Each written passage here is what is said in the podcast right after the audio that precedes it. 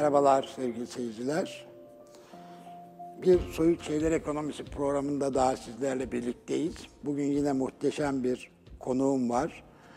Ee, Verimlilik Enstitüsü Başkanı, aynı zamanda AYİP Vakfı Başkanı e, sevgili Doktor Ebru Nurluoğlu ile beraberiz. Ebru Hanım hoş geldiniz. Merhaba. Belki ünvanlarına bir iyilik perisi olarak da bir tek satırlık bir şey daha ila- ilave etmek iyi olur. Efendim ben rejideki arkadaşlardan rica ediyorum. Bizim Soyut Şeyler Ekonomisi'nin bir Türk Gülü grafiği var. Onu bir ekrana yansıtırsak Doktor Ebru Nurluoğlu'nu buraya niçin davet etmiş olduğumuzu daha kolay anlatmış olacağım. Ee, Türkiye'yi dünyada hangi değerlerle inşa edebiliriz?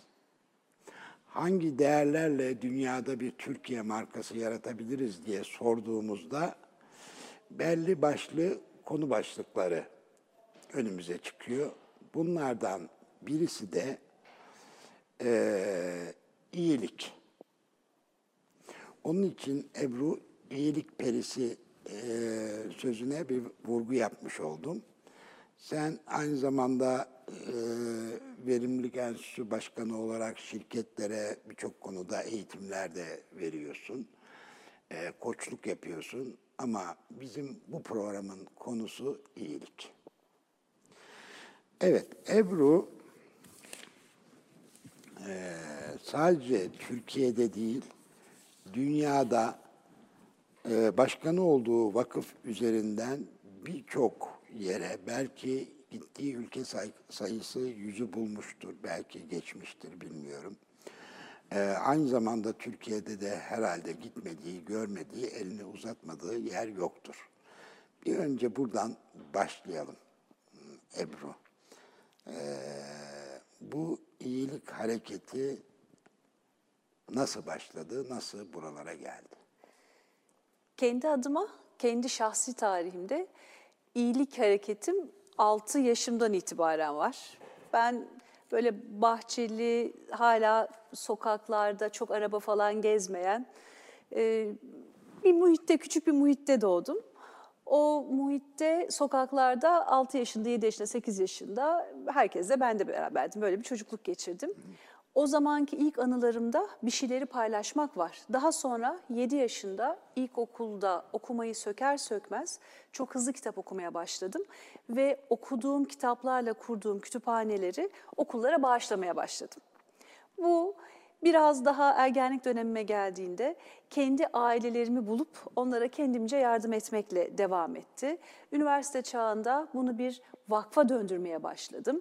Biraz daha ileride sadece Türkiye değil bir başka dünya vatandaşlığı konsepti altında da yurt dışındaki çok farklı dünya ülkelerine kendimce gittikçe oradaki yetimhaneler benim ilgi alanım. Yardım etmeye devam ettim. Böyle bir hikaye. Bu içten gelen bir şey mi yoksa bir öğren, öğrenmişlik mi yani çevreden, aileden? Bazı insanların da içinden gelir belki böyle bir şey, iyilik duygusu. Yüzde yüz içimden ile yüzde yüz hayırsever bir ailede olmamdan Evet. kaynaklanan. Yani bu benim ailem doktor. Dolayısıyla hayatları birilerine iyilik yapmakla, ücretsiz hasta bakmakla geçmiş. Dolayısıyla onları da modellediğim. Beraberinde ise hem dünya gerçeklerini hem Türkiye gerçeklerini görerek bir şey yapmak bizim sosyal sorumluluğumuz falan değil artık. Bir şeyler yapmak bizim sosyal zorunluluğumuz diye Diyorsun. düşünerek ilerlettiğim bir alan. Evet. Şimdi tabii biz biraz önce bir grafik yayınladım. Ee, orada e, iyiliği bir alt başlık olarak kullanmış olduk biz. Aslında acaba iyiliği araçsallaştırıyor muyuz bu bakış açısıyla diye e, düşünenler olabilir. E, ama benim kişisel görüşüm iyiliği gerektiğinde kötü amaçlar için değil ama başkalarına da duyurmak, başkalarına da aktarmak eee, ve başkalarına da iyiliği göstermek için eee, bu anlamda araçsallaştırmanın bir sakıncası olmadığını düşünüyorum. İyiliğin yaygınlaşması, başkaları için örnek teşkil etmesi açısından önemli olduğunu düşünüyorum ben şahsen. Ama sen bu yaptığın iyiliklerin biraz sonra ayrıntılarına gireceğiz. Neler, nerelerde neler yapıyorsun? Bunu bunları e, izleyicilerimize aktaracağız ama son, e, sonuç itibariyle sen yaptığın bu hayırseverlik faaliyetlerini doğru dürüst duyurmuyorsun bile aslında. Yani o iyilik senin için bir araç değil, kendi ideallerini, kendi duygularını gerçekleştirdiğin bir alan. Ben yıllar önce eee, belki 7-8 yıl oluyor bir vesileyle o dönemin Diyanet İşleri Başkanı Profesör Doktor Mehmet Görmez'le bir sohbet imkanı bulmuştum. Çok ilginç ve benim de çok hoşuma giden bir şey söyledi. Hani bir hadis var ya komşusu açken tok yatan bizden değildir diye. Ee, Mehmet Hoca e, o gün dedi ki artık komşuluk kapı komşuluğu şeklinde değil. Biz artık internet üzerinden iletişim teknolojileri, teknolojiyle dünyanın her yerinde yoksulluklardan haberdar oluyoruz. oluyoruz. O nedenle dünyanın en ücra köşesindeki yoksul, aç, e, muhtaç insanlar da komşu demişti ve benim çok hoşuma gitti o. Ee, sen de dünyanın birçok bölgesinde aslında komşuları gözetiyorsun bir şekilde. Ben işte a- e, Kamboçya'dan Hindistan'a, e, Nijer'den Tunus, Fas'a, Moğolistan yani sayılmayacak kadar ülke var burada. Karayipler.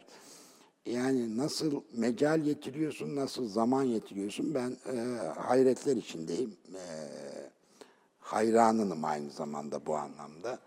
Eritre, Filistin hatta gidilemeyecek e, yani benim gitmeye çekindiğim yerlere bile e, gittiğini görüyorum elimdeki listeden Türkiye dışında.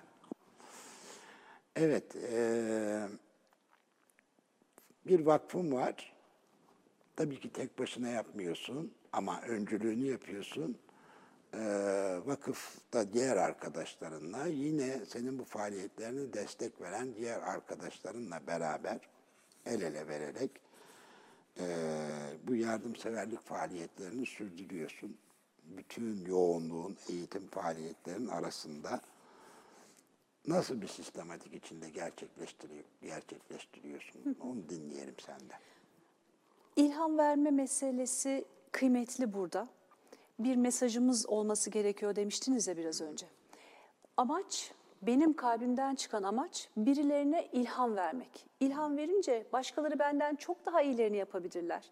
Bu yardımlar çok daha fazlalaşabilir. Evet. Duyurmuyorsun dediniz. Evet çok doğru. Çok yakın bir zamana kadar benim sosyal medyada bir Instagram hesabım ya da herhangi bir hesabım bile yoktu. Ee, Ve yakın arkadaşlarım bir vakfa sahip olduğumu bilmiyorlardı. Bilenler de dernek falan zannediyorlardı. Vakıf olduğunu bile bilmiyorlardı. Sonra bir gün dedim ki, Ebru kendine gel, senin bir sorumluluğun var. Başlıca sorumluluğun ilham vermek, anlatmak ve tecrübelerinden de senden daha genç ya da daha istekli olanların yararlanması. Evet. Bu, bu şekilde ilerledi. Bu sürece gelince öncelikle Acil İhtiyaç Projesi Vakfı 30 senelik bir vakıf. Bu anlamıyla Türkiye'de ilk defa insan doğru insanlara ulaşma, artıdan alıp eksiye verme konusunda uzmanlaşmış, Türkiye'de bir ilki başlatmış vakıf. Biz bu vakfı hayata geçirdiğimiz zaman ve öncesinde bir sivil platform halindeyken benle dalga geçiyorlardı Selim Bey. O zaman Boğaziçi'nde okuyordum. O saçların da sarı niye böyle bir şey yaptın falan. Ben o zaman anlatmaya çalışıyordum. Bakın dünyada da Türkiye'de de bu iş aslında neredeyse bir trend, bir moda haline gelecek. Bunun moda olmasını falan beklemeye gerek yok. Bizim zaten genlerimizde imece diye bir şey var. Biz bunu hayata geçirmeliyiz çünkü bu bir gereklilik, bu bir sorumluluk diyordum. Bugüne ışınlanarak geldiğimizde Türkiye'de Acil İhtiyaç Projesi Vakfı istisnasız her gün, cumartesi, pazar dahil olmak üzere ihtiyaç sahiplerine umut vermek, malzeme vermek, destek vermek, burs vermek, deneyim vermek ve ilişki vermek anlamda. İlişkiden kastım bir hukukçuya ihtiyaçları olabilir, bir avukata ihtiyaçları olabilir. Evet.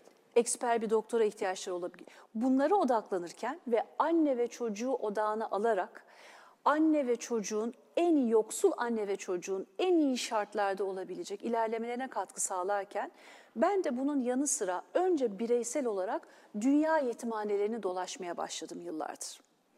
Yetimhaneleri. Yetimhane. Buradaki alan yetimhane. Daha sonra son 1-2 yıldır da bunu duyan önce yakın arkadaşlarımdan birkaç kişi ve duyurduğum için de sosyal medyadan birkaç kişi ya gittiğinizde benim için de bir şey yapar mısınız? Benim hayalimi gerçekleştirmişsiniz diyenler olunca onları kıramamaya başladım ve böylece vakıf aracılığıyla da eğer orada onlar için bir şeyler yapmamı isteyenler olursa da bu faaliyetleri orada gerçekleştirdim. Örneğin bu sene ilk defa Afrika'da bir okul inşa ettik ve bu okulun çok büyük bir özelliği var. Okula 10 dolar veremedikleri için Afrika'da pek çok çocuk bö- bölgelerde okula gidemiyorlar zaten. Gitme şansları yok. Bir okul keşfettim. Bu okul çocukları hiçbir para almadan okula kabul ediyor. Bu ne demek biliyor musunuz? Onların karnı doyacak ve üniversiteye gidebilecekler. Özetle acil ihtiyaç projesi Türkiye'de aralıksız her gün çalışırken ben de yılda birkaç kezden daha fazla dünya yetimhanelerini dolaşarak kendimce dünya vatandaşlığı misyonumu yerine getirmeye çalışıyorum. Neden dünya yetimhaneleri diyeceksiniz?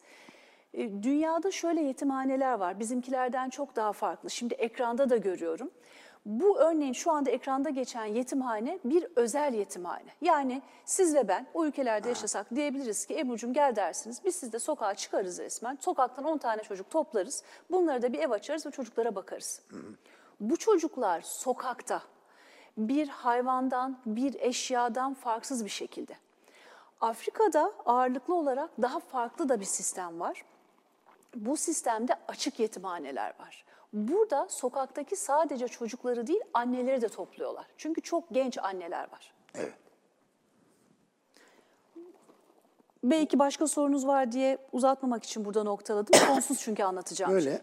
Yani hangi ülkeydi Afrika'da bu okul? Kenya'da şu anda. Kenya'da. Bunu e, Türkiye'den öncülüğünü yaparak Türkiye'den aldığın desteklerle gerçekleştirdiniz. bu. Evet, bunu şöyle yaptık. Arkadaşlarım da bu sefer benimle beraber geldiler. Orada yerinde gördüler. Orada birisi dedi ki Ebru ben bunun mutfağını halledeyim. Birisi dedi ki kütüphaneyi halledeyim.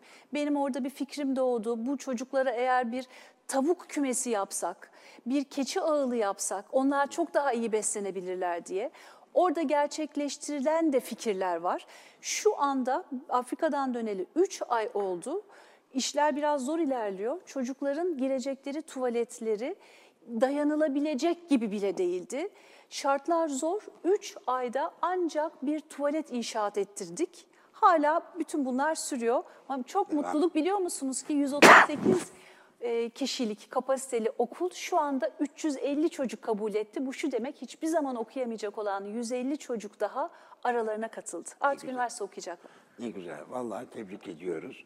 Bu arada seyircilerimiz sizi biraz tanımış oldular. Ee, diğer uzmanlığınla ilgili daha doğrusu biraz da hayata bakışını yansıtan kitaplarım var. Ben bunları seyircilerimize tanıtmak, göstermek istiyorum. Ee, biri Mutluluk Kılavuzu ilk kitabın ee, kendinden kaçarken yakaladım seni adlı bir e, kitabım var. Ee, ikinci kitabın e, Vaha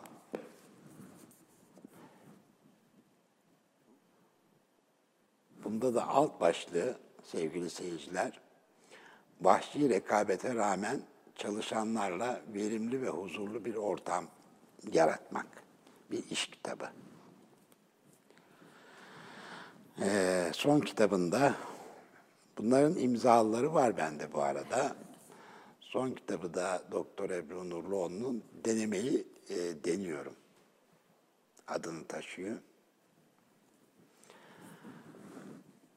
Sen ona gel kendi geze- gezegenimizi yaratalım dersin. O sana uydusu olmanı uygun görür. Ve gezegeninizde hayat durur demişsin. Evet, mesajı aldık buradan. Ee, şimdi e, seyircilerimizin zihninden şöyle bir şey geçiyor olabilir. Ya bütün dünya yetimhanelerine tamam el uzatmak güzel bir şey. Ee, tabii takdir edilesi bir hareket ama e, dünya kadar Türkiye'de de muhtaç, yoksul e, e, insanlar, çocuklar hatta yetimler var.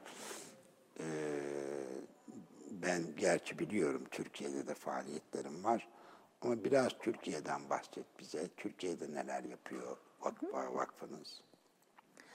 Acil İhtiyaç Projesi Vakfı çocuğu annesinden koparmayarak, annesini de bilinçlendirerek, annesini de evin içinde güçlendirerek onlara daha iyi bir hayat sağlama amacı güdüyor. Bunu yaparken şöyle faaliyetlerimiz var. Bir, çocuğa burs veriyoruz ya da gence burs veriyoruz.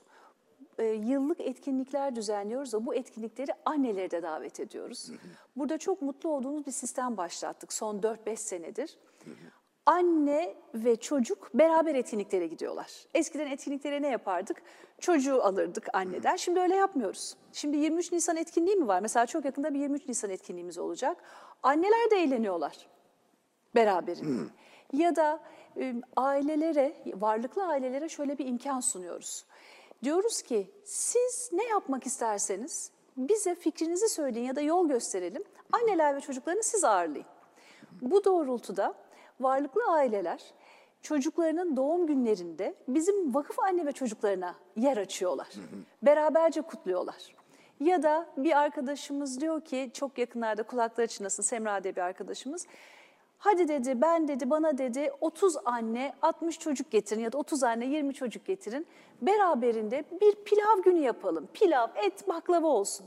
Eğlenceler düzenlemişler çocuklarla beraber.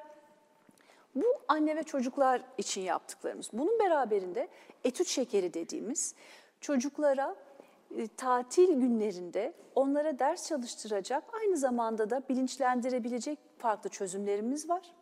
Tatil şekeri programlarımız var. Tatil şekeri programlarında çocukların hayallerini gerçekleştiriyoruz.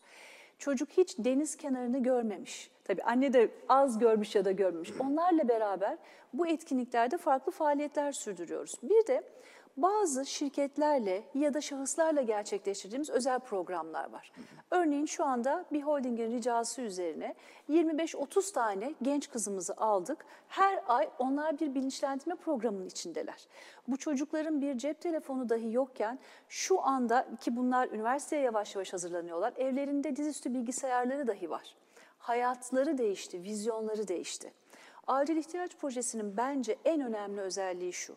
Yardım etmek isteyen, Türkiye çapında birileri için bir şey yapmak isteyen herkesin gerçekleştirmesine bir aracılık, bir köprü vaziyeti görüyoruz. Neden? İhtiyaç sahibi insanlara birebir ulaşabilen, birebir onları alıp o çalışmaların içine dahil eden bir ekibiz. Çünkü bugün siz bugün bize deseniz ki ya çocuklar bugün cumartesi, yarın pazar öğleden sonra bana da 50 çocuk gelse de benim onlarda içimden geldi. 50 çocuk için şöyle bir oyun alanına götürsek. Bütün gece çalışırız. Yarın akşam olmadan öğleden sonra 50 çocuk annesiyle beraber sizde. Süpersiniz. Şimdi eee, biraz önce de söyledim ya, bu benim gitmeye çekindiğim ülkelerde bile koşturuyorsun.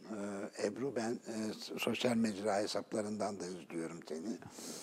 Eee, Afrika'da, eee, Güneydoğu Asya'da, eee, neredeyse Güney yerlerle kucak kucağa öyle söyleyeyim dans ediyorsun. Ee, Vol'de dönüyor bazı görüntüler. Herhalde izleyicilerimiz de görüyorlardır. Ee, şimdi e, çeşitli riskleri var bunun tabii. Bir hastalık riski var. Ondan sonra e, şimdi bilmediğin, e, huyunu suyunu bilmediğin insanlar sonuçta yerliler. Yani e, güvenlik e, problemleri yaşama ihtimali tabii ki söz konusu. E, senin bütün bunları e, belki aşmanı ya da göze almanı sağlayan, e, seni motive eden ki iyilik duygusu öyle olduğunu tahmin ediyorum. E, bize mesela yaşadığın bu tür zorluklardan bir, iki örnek anlatabilir, aktarabilir misin? Tamamıyla cahil cesareti. Ben bunu böyle nitelendiriyorum. İçimde Ben de iyilik motivasyonu diyorum ona evet. Hah. o zor, çok zor kabul ediyorum. Motivasyon da değil, içimden gelen bir dürtü. O dürtü olduğu sürece riskleri elimden geldiği kadar minimize ederek kendimi güvende bir şekilde bir yerlere götürmeye çalışıyorum. Burada farklı yerlere gitmemin öncelikli olarak sebebi şu. Siz ben gitmesek o insanlara asla bir yardım gelemeyecek gibi gözüküyor Selim Bey. Bazı bölgeler kendi ülkeleri tarafından da unutulmuş. Kendi devletleri, kendi insanları tarafından unutulmuş. Buralara tesadüfen gitmişliğim vardı önce. Şimdi bilinçli olarak gidiyorum. O tesadüfen gitmelerde o çocukları o haliyle gördüğüm andan itibaren zaten zihnimden değil gönlümden gitmelerine imkan yok. Ve yapacağımız çok büyük de elimizden bir şey gelmeyebilir. Fakat şunu düşünün, bizim kendi çocuklarımız olsa, yeğenlerimiz olsa bu çocuklar, 0 yaşla 6 yaş arası ellerinde hiçbir oyuncak olmadan böyle kara toprağa bırakılmış böyle duruyorlar. Ya da bir evin içinde bomboş duruyorlar. Bu çocuklara iki tane oyuncak bıraksanız 0 ile 6 yaş arasında onların ömür boyunca arkadaşları. Ya da bir iz bıraksam, o izde bakın böyle bir yetimhane var diye ki bu oldu. Ta Bolivya'da bir yetimhane. Bir arkadaşım sahiplenebiliyor diyor ki ya Ebru harika bir şey aklımdan böyle bir şey geçiyordu. Ben yolu açıyorum onlar devam ediyorlar. Zorlukların dışında yani bilinçli zorluklar dışında bir de bilinmedik şeyler var. Bir ülke Kolombiya'da ateşkes vardı zaten hani ülke barış noktasındaydı. Ben de öyle bir dönemde gittim. Adımımı alışveriş merkezine atmadan iki buçuk üç dakika önce teröristler bomba patlattılar. Ve nerede bomba patlattılar? Benim ayakkabı almak üzere yürümek için rahat bir ayakkabıya ihtiyacım vardı. Anlaşıp saat tam 3'te gelin dedi adam. Ben de saatime sadık olmaya çalışırım. 3'te bombayı patlattılar. Ben sadece 3 dakika farkla kaçırdım. Çok şükür. Kurtuldun üç dakika. Bunun gibi ya da kaldığım bir otelde yangın çıkması gibi. Yani bunlar beklenmedik şeyler. Benim alabilecek önlemler ancak beklenebilenlere karşılık bir güvenlik olabilir.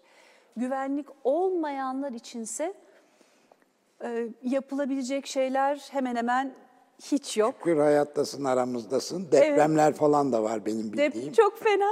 Bir bazılarına da içgüdü. Bunlara da oldu. 7.3'tü. E, New Britain adasında, Papua Yeni Gine'nin hemen açıklarında. Her şeyi ne ödemişim. Yani uçak bileti var, yeri ödemişim. Biraz daha araştırma yapmak istiyorum. Benim turuncu kitap kendinden kaçarken yakaladım seneyle başlayan bir seride. Biliyorsunuz ben mutluluk araştırmaları yapıyorum. Aynı şansa sahip olmamıza rağmen neden mutlu olanlar daha mutlu, mutsuz olanlar neden mutsuz diye. O yüzden de beni heyecanlandıran bir yer. İçimden bir his ve ben uçak biletini her şeyi yakıp geri döndüm. Döndüğüm gece çok büyük bir deprem oldu ve yerle bir oldu. Ve o depreme değil, hani New Britain'de rastlamak, Papua Yeni Gine'de de yakalansam aynı derecede kötü olacaktı. Bir gün önce de binme ihtimalim olan uçaklardan biri, arşive bakarsanız göreceksiniz, bir sene önce suya iniş yaptı, düştü. Kıl payıyla güzel güzel kurtarıyoruz, evet. Ee, bir kısa ara vereceğiz. Reklam Tabii. arası. Ondan sonra devam edeceğiz bu güzel sohbete. Çok kısa bir ara sevgili seyirciler.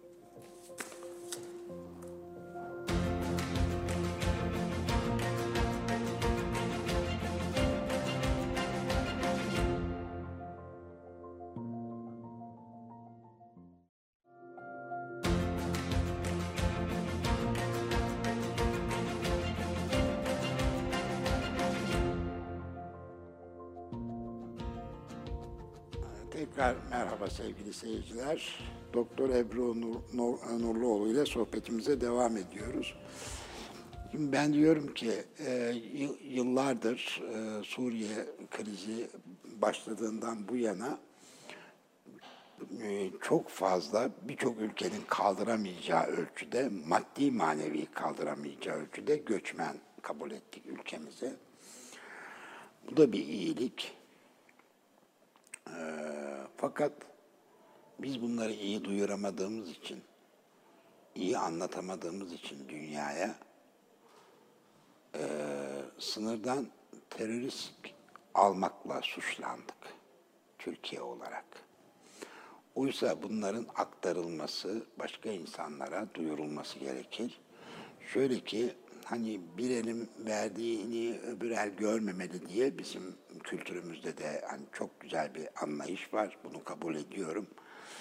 Ee, fakat e, sonuçta bu kitlesel iyilikler iki kişi arasında olmayan, kimsenin onurunu zedelemeyecek e, şeyler ve bunların duyurulması lazım. Başta da söylediğim gibi hem iyilik yolunda dünyadaki diğer insanlara örnek olmak, e, iyiliği teşvik etmek hem de e, bir Türkiye olarak kendi itibarımızı, kendi marka değerimizi yükseltmek e, anlamında e, bunların iletişiminin yapılıyor olması lazım. Bu bakımdan Acil İhtiyaç Projesi Vakfı'nın da e, belki daha fazla tanıtılması, e, bu e, vesileyle de iyiliklerin artması güzel olur diye düşünüyorum. Bir katkıda bulunayım buna. Evet. Dünya ülkelerinde her gittiğim yetimhane, okul ya da açık yetimhanede Türkiye'yi anlatıyorum. Şimdi e, vakıftaki arkadaşlarla bir harita yaptık. Evet. Dünya haritası Türkiye orada nerede diye gösteriyor. Süper. Ve her gittiğimde ya çevirmenler kanalıyla ya da İngilizce bilen çocuklarsa onlara ve öğretmenlerine, bakıcılarına tane tane anlatıyorum. Diyorum ki ben Türkiye'deki sizlerin başka dostlarının, abilerin, ablaların, kardeşlerin, başka öğretmenlerin size sevgisini getirdim, selamlarını getirdim. Bunların hepsi sizlere onların hediyeleri. Duydum ki çok okumaya hevesliymişsiniz. Duydum ki çok okulunuz için ya da öğrenmek için emek sarf ediyormuşsunuz ya da iyi çocuklarsınız. Neyse onun o andaki gerekliliği. Bunu anlatıyorum ve her seferinde Türkiye bayraklarıyla Türkiye'nin selamlarını getiriyorum. O kadar güzel bir şey oldu ki o bayrakları yıllar sonra saklayanları gördüm. Türkiye'ye daha çok sempati duyanları gördüm. Bunları dinlemek e, ve Türklerden belli bölgelerde çok hayırseverlerdir diye bahsetmeleri bile benim için gurur verici. Ülkemizde sonuç olarak imece usulü diye bir şey var. Bu imece bizim atalarımızdan bize geçmiş ve bunu dünya ülkelerinin bu şekilde bilmemesi için de hiçbir sebep yok. Ben kendi ölçeğimde yapıyorum. Diğer Türk insanları da yapabilecek olanlar kendi ölçeklerinde yapsalar biz zaten bu tanıtım işini bile imece usulüyle gerçekleştirmiş oluruz. Düşünün ki bugün Küba dahil dünyanın çok farklı ülkelerine giden binlerce Türk turist var. Her gittikleri zaman onlar bir iki dolarlık bile yardım etmiş olsalar Tabii. bu ülkenin adı başka ülkelerde gerçekten kalpten gelerek çok daha farklı şekilde anılıyor olurdu. Evet, gönülden gönüle diyorsun. Evet, Zaten. aynen öyle diyorum. Gönülden gönüle. Ee, şimdi şöyle, iyiliğin azlığı ya da çokluğundan daha öte bir anlamı var. Yani çok küçük de olabilir, çok büyük de olabilir. Ülkemiz çok zengin ülkeler arasında değil. Ama dünyadaki yoksulluğu e, gözümüzün önüne getirecek olursak, hani oradan baktığımızda da hani durumu iyi ülkeler arasında küçük de olsa, büyük de olsa e, hayırda bulunabilecek insanlarımız var ülke olarak, yani toplum olarak değil mi? hem Türkiye için hem de dünya için geçerli. Şimdi bana genelde şöyle bir soru yöneltiliyor. Ebru neden Afrika'da Türkiye değil? Ben de diyorum ki öyle bir şey yok. Her gün Türkiye benim hayatımda Acil İhtiyaç Projesi Vakfı sayesinde her gün Türkiye için bir şeyler sarf ediyoruz. Diğer soru gene yanlış. Neden Afrika değil, neden dünya? Çünkü dünya ülkelerim. Derileri siyah olduğu için gittiğim çoğu yerlerin herkes Afrika zannediyor. Oysa değil. Bu bir dünya vatandaşlığı meselesi. Dünya vatandaşlığı meselesinden ülke vatandaşlığı meselesine de gelelim. Şunu da hazmedemiyorum ekonomik olarak baktığımızda. Eğer bugün ayda 2000 lira kazanan bir kişi 50 liralık bir yardım yapabiliyorsa aylık geliri 200 bin ya da 20 bin lira olan insanın 50 liradan ya da 500 liradan imtina etmesi benim anlayabileceğim bir şey değil. Herkes kendisinden tabii ki sorumlu. O yüzden yargılama yetkim yok. Sadece Elbette. şunun ülkemiz için çok iyi olacağını gerçekten inanıyorum. Ya ben bir çocuk okutuyorum deyip kenara çekilmek değil. Belki ikincisini de okutabilirsin. Ya gardırobumdan ben zaten düzenli olarak eşya veriyorum. Öyle değil. Belki daha fazlasını verebilirsin. Çünkü bizim kullanmadığımız o eşyalar başkasının hayatında bütün bir kış boyunca ısınmaya, bütün bir kış boyunca ayakları suda gitmemesine yardımcı olabilir. Bence biz böyle düşünmeyi unuttuk. Tümsel mutluluk diye bir kavram var, kitabımda bahsediyorum. Dünya mutluluk literatürüne benim kattığım bir kavram bu. Tümsel mutluluk şu, sadece benim mutlu olmam değil, ben, sen, o mutluluk. Ben ailemin mutluluğuna ya da ben dünyanın ya da ülkemin mutluluğuna ne kadar katıyorum? Tümsel mutluluğun tarifi şu, kendi mutluluğundan minimum feragat ederek başkalarının mutluluğu içinde maksimum ne yapabilirim onu düşüneceğim şey.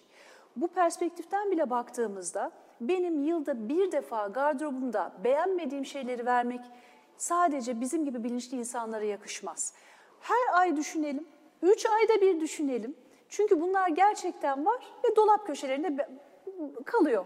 Sadece aynı bir şey de vermek değil. Bu kendi paramız pulumuz için de geçerli. Belki o ay 50 lira yaptık. 75 lira yapsak ne olur? 25 lira bir çocuğun belki de bir hafta boyunca bir küçücük tost yemesine yardımcı olacak. Bence düşünmeyi unuttuğumuz şey bu. Ee, bence çok isabetli bir şey söyledin. Önce zihinde başlıyor her şey. Düşünmek bu önemli. Ee, senin gibi insanlar da aslında düşünmeyi harekete geçiriyor. Bu da önemli bir şey. Çünkü günlük iş hayatın günlük meşgalleri falan burada insan işte bu küçük şeyleri yapmayı unutuyor, aklına getirmiyor. Veya zaman zaman hatırlasa bile hangi imkanlarla, hangi vasıtalarla bunu yapabileceğini, gerçekleştirebileceğini bilemiyor. Geçenlerde ben bir arkadaşım söyledi, bu yakın illerimizden birinde adını vermeyeyim, ee, işte mahalleli eski kıyafetlerini verecek bir yerler yer aramış ve en sonunda belediyeye müracaat etmişler. Ne yapalım diye belediyede biz bilmiyoruz, biz öyle bir şey almıyoruz, kabul etmiyoruz demiş. Tabii belediyelerin ne ölçüde görevi yani sonuç itibariyle bir departman kurup bunları bu, koordine edebilirler. O kadar da zor bir şey değil aslında. Tabii biraz da e, toplumsal gelişmişlikle alakalı biliyorsun Amerika'da sırf e, işte Goodwill diye bir mağaza zinciri var biliyorsun.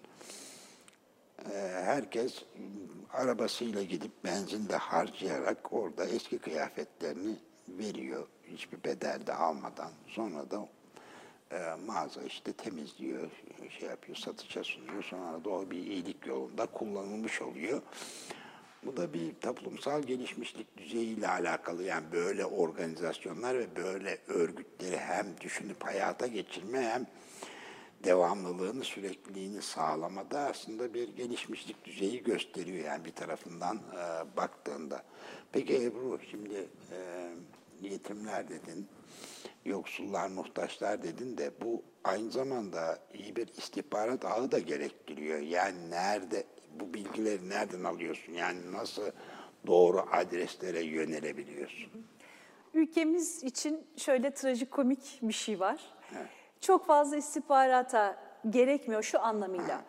Yoksul insan bizi buluyor. Sonra bizim tespit ekiplerimiz var. Bu evlere ziyarete gittiği anda konuya komşuya sorduğunuzda herkes birbirini çok kolayca zaten. Çünkü diyor ki Aa, aslında onun köyde bir tane daha şeyi var da ona bilmiyorum falan. Dolayısıyla çok kolayca kimin gerçekten ihtiyacı var buluyoruz. Burada zor olan şey şu. Bizim sadece o ay 10 tane ihtiyaç sahibine yetecek kadar yiyeceğimiz ya da bütçemiz var. Bizim için felaket olan şey, yüreklerimiz için 30 tane, 300 tane ihtiyaç sahibi geliyor Selim Bey. Ve bunların arasından ayrım yapmak bizim için çok zor. Bu yüzden artık elimizden geldiği kadar ve en zoruna bakmak gibi bir kriter yok çünkü hepsi zor durumda. Bu işin en zor parçası o. Yani bu da işin acı veren tarafı bir taraf. Çok acı veriyor ve ben eminim ki bu insanların öykülerini bilsek çok daha fazla yardım edebiliriz. Çünkü ihtiyaç olan şey her zaman çok fazla değil ve illa bir insanın, bir ailenin, bir çocuğun bütün her şeyini birimiz üstlenmek durumunda değiliz. Belki Ayşe Hanım o çocuğun sadece fasulyesiyle zeytinini gönderir o ay. Başka birisi sadece o çocuğun tost parasını gönderir. Bir başkası belki 75 lira olan bakkal borcunu kapatır. Yani bir aileye 10 tane son derece mütevazi, bir yoksul aileye gene 10 tane mütevazi aile de yardımcı olabilir. Biz Ayıp Vakfı olarak bunu yapıyoruz. Yani büyük küçük olarak bakmadan 10 liranızın bile nasıl değerlendiğini birebir görme şansınız var Ayıp Vakfı aracılığıyla. Dünyada Amerika'dan Afrika'ya, Asya'ya kadar geniş bir yelpazede var faaliyetleriniz. Buralarda Doğru. Burada şöyle bilgi bir alıyorsunuz? Burada şöyle bir sistem izliyorum. Gittiğimde en doğru istihbaratı alabiliyorum. Çünkü özellikle Hindistan gibi ülkelerde yetimhanelerin bazıları gizli. Yani sokaktaki çocukları çalıştırmak için oradan o çocukları çalmasınlar, tekrar fuhuşa başka bir şeye sürüklemesinler diye yetimhanelerin varlıkları internette de yok. O semtlerde biliniyor ve kapıları bayağı böyle kilit altında falan giriyorsunuz ama kilit çocukları korumak için dışarıda. Anladım. Bunları sora sora ve daha önce yardımcı olduğum yerlerdeki referanslarla. Mesela e, Sri Lanka'da yaptığım, yardım yaptığım bir e, manastırın bilgi, manastırdaki çalışanlar bu bilgileri bambaşka bir Müslüman mahallesiyle paylaşabiliyorlar başka bir okulda. Yani burada din ayrımı yok, dil ayrımı yok. Sadece yardımla bütünleşen bir fısıltı gazetesi ya da bir bilgi ağından yararlanıyorum. Afrika'da, Kenya'da çok şanslıydım. Orada çünkü tesadüfen Birleşmiş Milletler'de daha önce çalışmış ve hala çalışan insanlarla tanışma, onların yaptığım işe inanma şansları oldu. Onların deneyimlerinden, onların güvenlik desteklerinden e, yararlandım.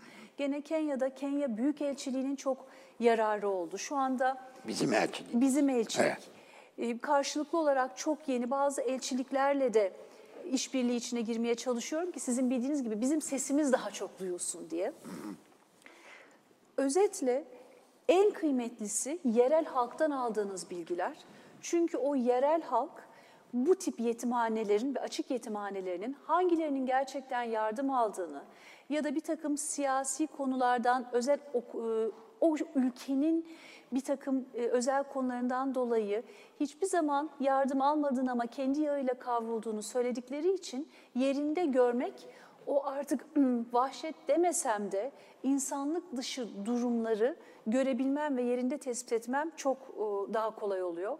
Ee, inanın ben bu durumların onda birini sadece Instagram'a koyuyorum. Acı anlamında. Gittiğim yerlerde çok vahşi, çok zorlu tablolarla karşılaşıyorum. Ve onların da bir ülke olduğunu ve ülke bütünlüklerini bozmamak, o imajlarına ziyan vermemek için sadece onda birini yayınlıyorum. Çünkü her zaman en kötü, en kötü yok. Ben o kötüyü görmeyi kendim seçiyorum, yardım edebileceğim kadar da yardım ediyorum. Bunun daha fazlasını yayınlamak zaten başka basın organlarının ya da araştırmacı kimliklerin işi. Ama Dünyada bu çocuklar hemen hemen her yerde olduğundan çok daha zor ülkeler var. Evet. Şimdi niye e, Afrika neden Türkiye değil sorusu bir başka yönüyle de anlamlı değil. insanlık baktığımızda bir bütün, bak bir koronavirüs e, salgını çıktı. Böyle katil bir virüs insanlığın e, tek vücut e, bir organizma olduğunu bize apaçık göstermiş oldu. Öyle değil mi? ırk, e, inanç, e, kültür hiçbir şey ayırt etmeden e, herkese musallat olabiliyor, her insana musallat oluyor. Amerika'dan e, Asya'ya bütün dünyayı e, kasıp kavuruyor. İnşallah bir an önce e, salgın durur, insanlık bu tehditten kurtulmuş olur diyelim. İyilikte iyilik yayalım aslında insanlığa. Ee, insanlığı bir bütün olarak düşününce tabii ki Türkiye'yi de ayırt etmeden belki en yakınımızdan başlayarak elimizin kolumuzun daha kolay ulaşacağı alanlardan başlayarak elbette ki e, başta Profesör Görmez'in ifade ettiği gibi e, gözümüzün gördüğü, kulağımızın duyduğu her yoksunluğu ve yoksulluğu aslında bize çok yakın ve bizim sorumluluğumuzda olan bir problem olarak eğer telakki eder, öyle değerlendirir. Vicdanımızı da öyle atarsak bunu, o, ne sınırlar kalır elbette, ne ülkeler kalır, ne coğrafyalar kalır, hiçbir şey kalmaz tabii ki. Öyle değil mi? Görmedikçe biz çok soyut bir kavram olarak kalıyor bu yoksulluk, fakirlik. Çünkü o çileyi çekildiği halini göremiyoruz. O soyutluğu artık somutluğa getirme vakti bütün dünya için geldi bence. Geldi geçiyor. Eğer bazı çok insan tanıyoruz hepimiz. Ay ben kesinlikle göremem yani aman bana ben görmeyeyim çok fena oluyorum fena falan. Tamam fena oluyorsun da görmesen de o zaman o soyutluğu somutluğa çevirme işini bir başkasına delege et. Senin adına bir başkaları yapsın. Hepimiz gözümüzü kapadığımızda dünya çok felaket bir yere doğru gidecek ve biz çocuklarımıza da doğru örnek olmayacağız. Bunu gerçekleştirebilmek için bizim siz çok güzel bir şey söylediniz. Zihniyet değişimi dediniz ki ben verimlilik enstitüsü altında takımları daha verimli kılmalarına yardımcı olduğum şey bu. Zihniyetimizi değiştirelim mesajı veriyorum. O zihniyette nedir? Tümsel mutlulukta anlattığım başkaları için ben ne yapabilirim diye düşünebiliyor olmak. Kendimiz için ne yapabiliriz diye düşünüyor olmak zaten bir gereklilik. Bunun artı, buna ek olarak başkaları için ne yapabilirim diye düşündüğümüz andan itibaren güzellikler zaten başlıyor. Ee, sanıyorum Limon Ağacı e, adlı bir e, filmde e, yer alan bir diyalogtu. E, Filistin'le İsrail arasındaki bir takım e, bir kadın üzerinden bir takım problemleri, hukuki problemleri gündeme getiren bir filmdi. E, bir İsrailli bakan ya da üst düzey bir komutan çok eski bir film aklımda e, çok detayı kalmamış ama e, gece evinde e, eşine ya da ailesine şöyle bir cümle kuruyordu. E, oradakiler rahat uyumadan biz de hiçbir zaman rahat uyuyamayacağız. Buna benzer bir cümle mealen aklımda kaldığı kadarıyla.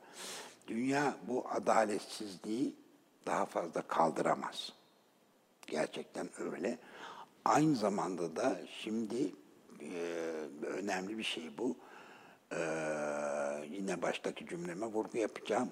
Haberdarız hepimiz bundan.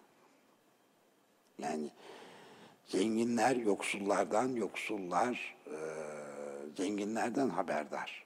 Yani birbirimizi artık biliyoruz, tanıyoruz, görüyoruz. Bu adaletsizlik insanoğluna, dünyaya yakışmıyor yakışmamasının ötesinde dünya bunu taşıyamaz. İnsanlık bunu taşıyamaz. Gerçekten öyle. Bu uçurumu taşıyamaz, kaldıramaz. Sizin gibi küçük, e, gerçekten alçak gönüllü de olsa, e, mütevazi de olsa bu tür iyilik hareketleri e, bu büyük uçurumu, çok büyük adaletsizliği ortadan kaldıramaz belki ama ortadan kaldırılabilmesi için bu yönde bir zihniyet değişimi dediğim gibi bir bilinç uyanışı sağlanabilmesi için bu kıvılcımlar ge- gerçekten çok büyük anlamlar taşıyor. Yani yaptığınız önemli. Ne kadar az ya da çok eee, ulaşabilirseniz eee, yoksullara, muhtaçlara eee, bunun azlığının, çokluğunun bir önemi yok. Bunun eee, sembolik değeri reel eee, değerinden çok daha önemli. Çünkü böyle büyüyebilir ancak kartopu gibi. Mesaj olarak da şu söylemimin çok net e, ulaşmasını çok isterim. Varlıklı insan sonuna kadar o varlığın tadını çıkarsın zaten. Öteki türlü hani kime inanıyorlarsa Allah ya da bir enerji ona karşı nankörlük olur. Biz elimizde olanların tadını çıkaralım, kıymetini bilelim, bir taraftan da paylaşalım. Ve yola çıkınca o küçük diye nitelendirdiğimiz öyle güzel bir enerjiye dönüşüyor ki Ağustos ayında 31 Ağustos bayramı için Afrika'da yardımdaydım. O yardım süresince ben hiç ak- aklımdan bile geçmezdi inanın. Zannediyordum ki gideceğim işte bir yüz kişiye yardım edeceğim diye. Şu anda elimde rakamlarla var yardım ettiğim ki tek başıma gitmiştim. Ee, 3850 insana dokunmuş oldum Selim Bey. Bu son sefer gidişimde 4800'lerde rakam. Ve bu benim hayalimin ötesinde bir şey. Yani o yardım yardım, ilham ilhamı doğurdu diye düşünün lütfen.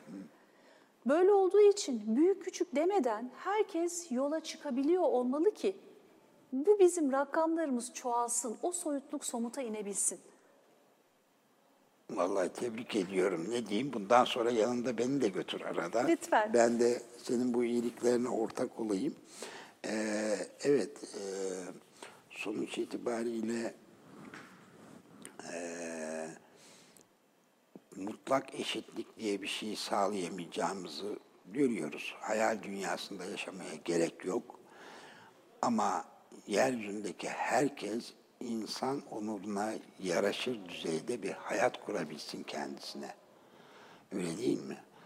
Ee, sonuç itibariyle bu tür e, yardım e, hareketleri yine bunun sağlanmasında önemli şeyler olacaktır. Bu yönde bir bilinç geliştiğini görmüyor değiliz. Yani yine bunda iletişimin rolü var. Yani bu bunların görünür olmasını o bakımdan önemsediğimi ben söyledim. Yani ee, içinden gelir, yapamazsın. Hepimiz insanız, vicdanımız kabarabilir, vicdanımız bizi iyiliğe yönlendirir, davet edebilir. Ama işin bir de öğrenme tarafı var.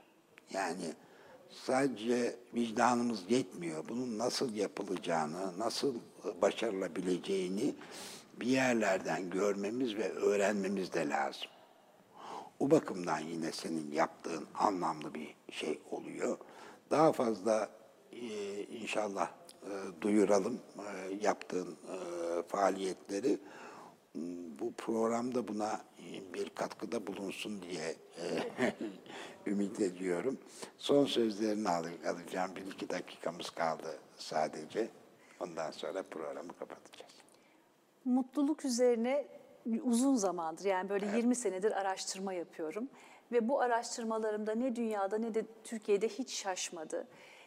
Var olanı elindekini paylaşan insanların mutluluk yüzdesi çok daha fazla. Hem kendim için hem başkaları için ne yapabilirim diye düşünenlerin mutluluk oranı benzerlerine oranla çok daha fazla. Sadece bu bilinçle bile dünya için, yeryüzü insanları için, Türkiye için yapabileceğimiz çok şey var. Ve biz Acil İhtiyaç Projesi Vakfı olarak ya da ben herhangi bir Türkiye vatandaşı olarak bana ya da bize gelen benim 10 kuruşum var ya da sadece kendi bilgim var. Ben ne yapabilirim diyecek olan herkese bu rehberliği yapmayı, bu ahbaplığı yapmayı kendimize görebiliyoruz. Teşekkür ediyoruz. Yani diyorsun ki mutlu olmak için mutluluk ver. Ayağına, ağzına sağlık. Çok teşekkür ediyoruz. Sağ olasın Ebru. Sevgili seyirciler, haftaya yine çok değerli bir konukla karşınızda olmak için sizi burada bekleyeceğiz efendim. Görüşmek üzere.